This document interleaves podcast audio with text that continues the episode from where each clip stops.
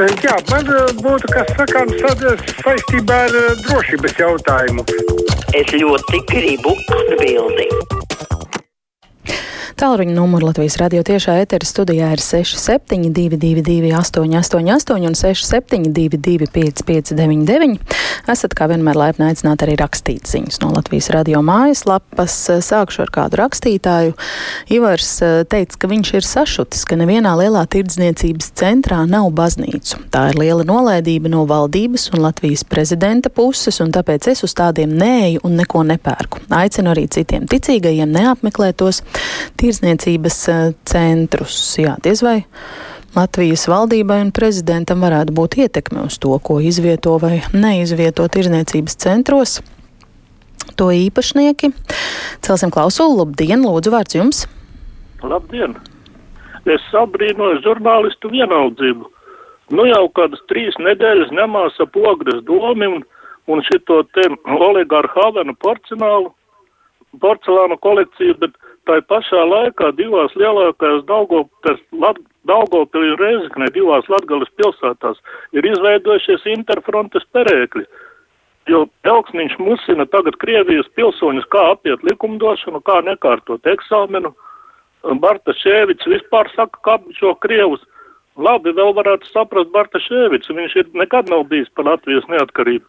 Viņ, viņš ir bijis kopā ar Rubiku vienā partijā, viņa tēvs balsoja pret Latvijas neatkarību, tur viss skaidrs. Bet Elks, viņš jauns cilvēks, kā viņš ir radikalizējis, viņš ir dzimis 82. gadā. Vai viņa vecāki bija interfrontē, nav neviens, kas to pajautā. Nu jā. Es gan domāju, ka diezgan daudz arī mani kolēģi seko šo vietvaru aktivitātēm. Kaža raksta stradiņos insultnieki uzņemšanā guļ pat četras stundas ļoti žēl to dzirdēt, jo tiešām slimnīcu nodaļas ir, uzņemšanas nodaļas ir pārslogotas. Lūdzu, vārds jums. Halo. Jā, runājiet, lūdzu. Uh, labdien! Sveiki! Es gribēju uh, izteikt viedokli par uh, tieslietām mūsu valstī, jo te bija dažādi raidījumi un arī tieslietu ministri tika intervēti.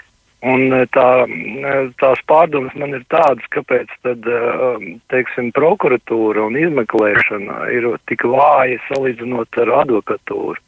Un kas ir arī iemesls, kāpēc mēs nespējam notiesāt, teiksim, likuma pārkāpējus, kas ir veikuši darbības, pieņemsim, finansiālos noziegumus un tā tālāk. Tāpēc, ka mūsu valsts faktiski sacenšas ar privātu struktūru.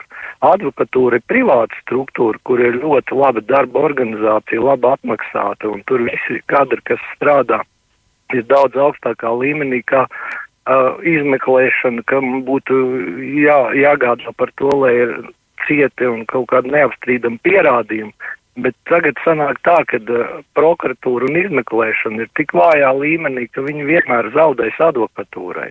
Un tāpēc izveidojas šī situācija, ka likuma ietvaros strādā divas komandas, kur viena ir pirmās līgas un otra ir augstākās. Un augstākās līgas komandā strādā labākie speciālisti. Tas Nu, ir advokatūra. Diemžēl tāds laikam ir, ka kapitālismā tā tas darbojas. Kas uh, vairāk maksā, tas var pie, piesaistīt veiksmīgākus darbiniekus.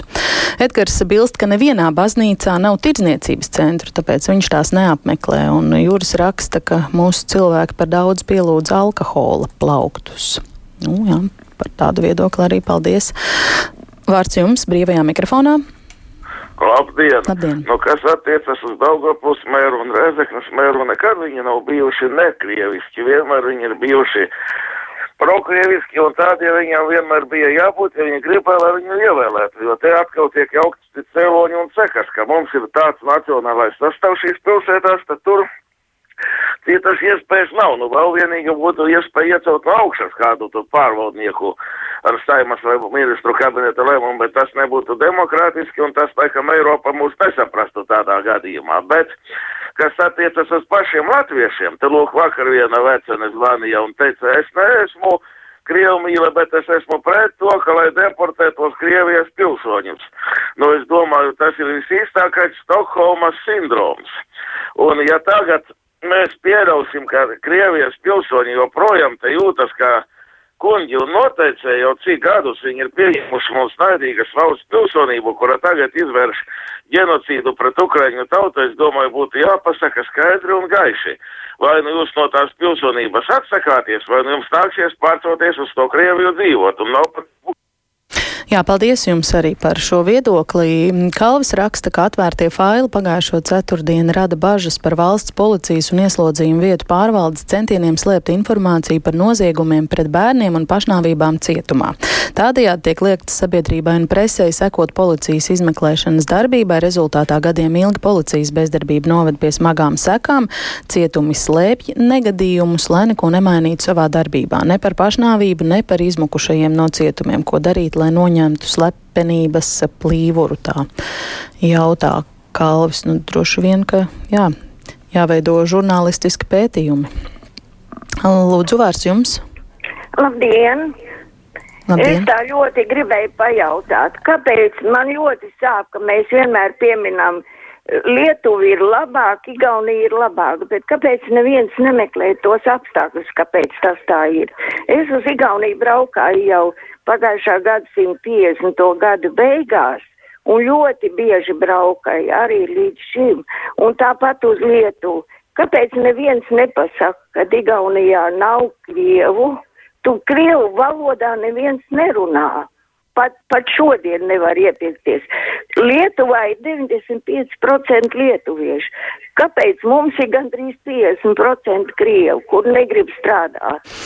Un Jā. visu laiku, paldies. 50% nav drusku mazāk, bet nacionālais sastāvs ir tāds, kāds ir. Un eh, starp citu, kādu kolēģi, kas dzīvo žurnālisti Igaunijā, mēdz eh, teikt, ka Igauni ļoti daudz salīdzina savu situāciju, un pie viņiem bieži izskan, ka šis tas Latvijā arī ir mm, labāk.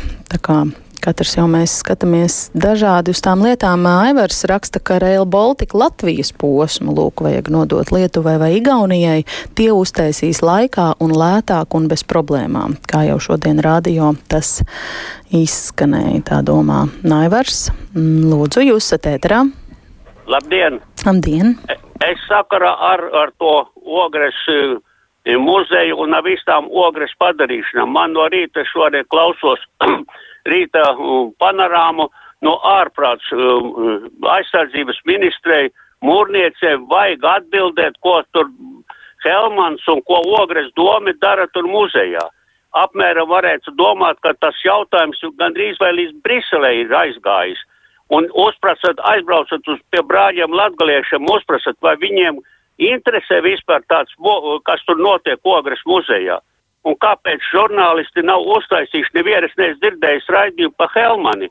Helmans pats ir aizbraucis uz Ukrainu, ne jau ekskursija aizbraucis, viņš brauc uz pirmām līnijām, bet laikam tur to palīdzību. Un Helmans ir apbalvots ar ogres aizsardzības ministrijas apbalvojumu medaļu. Ne jau katram to medaļu piešķir, kurš tu pāris reizes aizbrauc uz, uz Ukrainu. Tādas jūsu domas, jā, bet Jānis savukārt mums raksta, ka viņu uztrauc slepenībā pogras mēra ietekmi, ka turpat nacionāļiem nav ietekmes, izskatās gandrīz pēc uh, mafijas. Tā raksta Jānis. Uh, vēl kāds zvanītājs, lūdzu, vārds jums. Labdien! Labdien. Un tā jocīgi dīvaini to rati, Latvijas radio ir. Es gribētu, lai man izskaidro, kā tas ir. Vai pie jums tur strādā analfabēti vai, vai, vai kas ir. Jā, konkrēti šorīt pierādījums. Jā, un tas nav vienreiz vien un pārteikšanās. Tā nav pārteikšanās. Kladzina un kladzina. Kad šodien pusē astoņos, jā, tā m, par radio tā diktori, kas bija teica, jā, sašutusi, kad tā, tā Dienvidā republika tā, arī kā viņa bija, kad neparakstīja Eh, šito ieroču nepiegādes līgumu, kad amerikāņi tur bija. Tieši ieroču nepiegādes līgumu.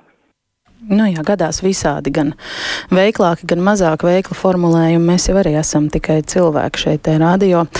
Olga raksta, ka otrā pensiju līmeņa zaudējumi 2022. gadā ir vismaz 30%, 10% tiešie zaudējumi plus 20% inflācija. Viņa tā lēš ir jāatzīst, ka pensiju otrais līmenis ir izgāzies un sevi neattaisno jālikvidē nekavējoties, tā domā mm, Olga. Celšu vēl klausuli, lūdzu. Labdien! Labdien. Es gribēju tādu lietu teikt, es gribēju tam kungam atbildēt, kurš teica par to tirdzniecības centriem, par, tā, par tām mazasām bībelē, kādā vietā ir rakstīts. Ja Jēzus Kristus teica, ko divi vai trīs manā vārdā sapulcējušies, tad es esmu starp viņiem. Nekur bībelē nav rakstīts, ka jācer lielās katedrās. Tas tikai vēlākos gadsimtos parādījās. Tā tām kungām saistīja, saistīja tirdzniecības centru, baznīca vienkārši nav taisnība. Bībele, bībele nerunā. Paldies! Jā, paldies jums par citātu. Mm, Zana vaicā. Uh, raksta par Helmani un Ogri, kurus taisa par noziedzniekiem pret valsti Avena porcelāna kolekcijas dēļ, bet Latvijas radio mājā ir Avena dāvināts klavieris. Vai tas jums tur nevienam netraucē mierīgu dzīvošanu? Jā, nu, ja nemaldos, tad um, maestro Paulam tādas klavieres tika iedāvināts, un viņš tās ir nolicis šeit pirmajā studijā. Nē, esmu interesējusies, vai kādam traucē vai netraucē tas šeit dzīvot. Lūdzu, vārds jums brīvajā mikrofonā. Labdien. Labdien! Es gribēju teikt par, par tiešām par ziņām. Jūs visu laiku stāstiet, ko dara Puķins. Nu, šodien divreiz ziņās jau 12. pateica sākumā un beigās. Varbūt, ka varētu viņu vienkārši ignorēt. Nu jā, nezinu, vai izdosies šobrīd šo personību nepieminēt ziņās. Tomēr diezgan svarīgus, lai arī briesmīgus procesus viņš ir e, iesācis un turpina.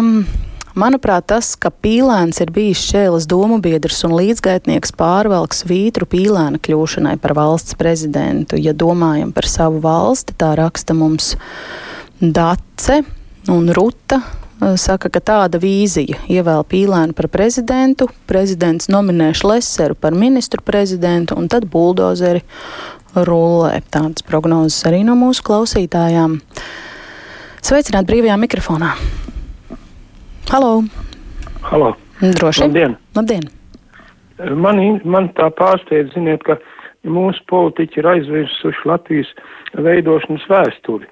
Un proti, pirms vairāk kā simts gadiem mūsu cilvēki ar kādu neatlaidību cīnījās par mūsu valsti, par savu dzimto pusi, dzimto ciemu un dzimto pilsētu. Ko mēs tagad redzam? Ka tagad viņi šitā skola reforma, kas, ko mēs tagad realizējam, ne tur pārceļam tās skolas, kā ši, likvidējot šīs skolas, cilvēki pazudīs no šīm vietām un aizbrauks ne tikai uz pilsētām, vai ne, bet arī uz ārzemēm, vai ne. Otra lieta, šī novada paliks galīgi tukši.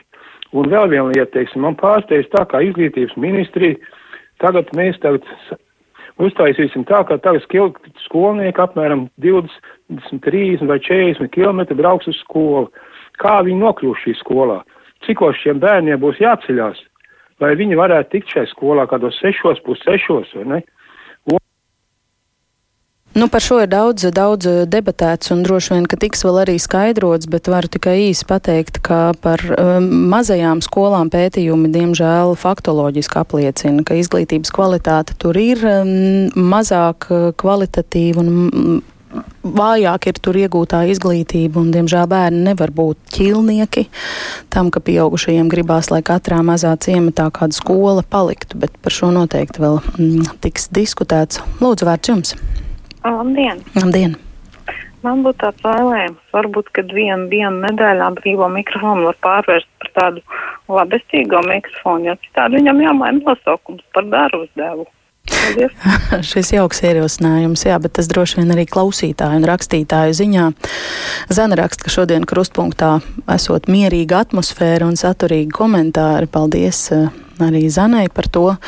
Viesturs saka, jā, mūrnieces kundzei jautāja par ogres mēru tāpēc, ka viņi ir no vienas partijas, ne tāpēc, ka viņi ir iekšlietu ministri. Tagad teikšu paldies visiem zvanītājiem, rakstītājiem, laiks jaunākajām ziņām.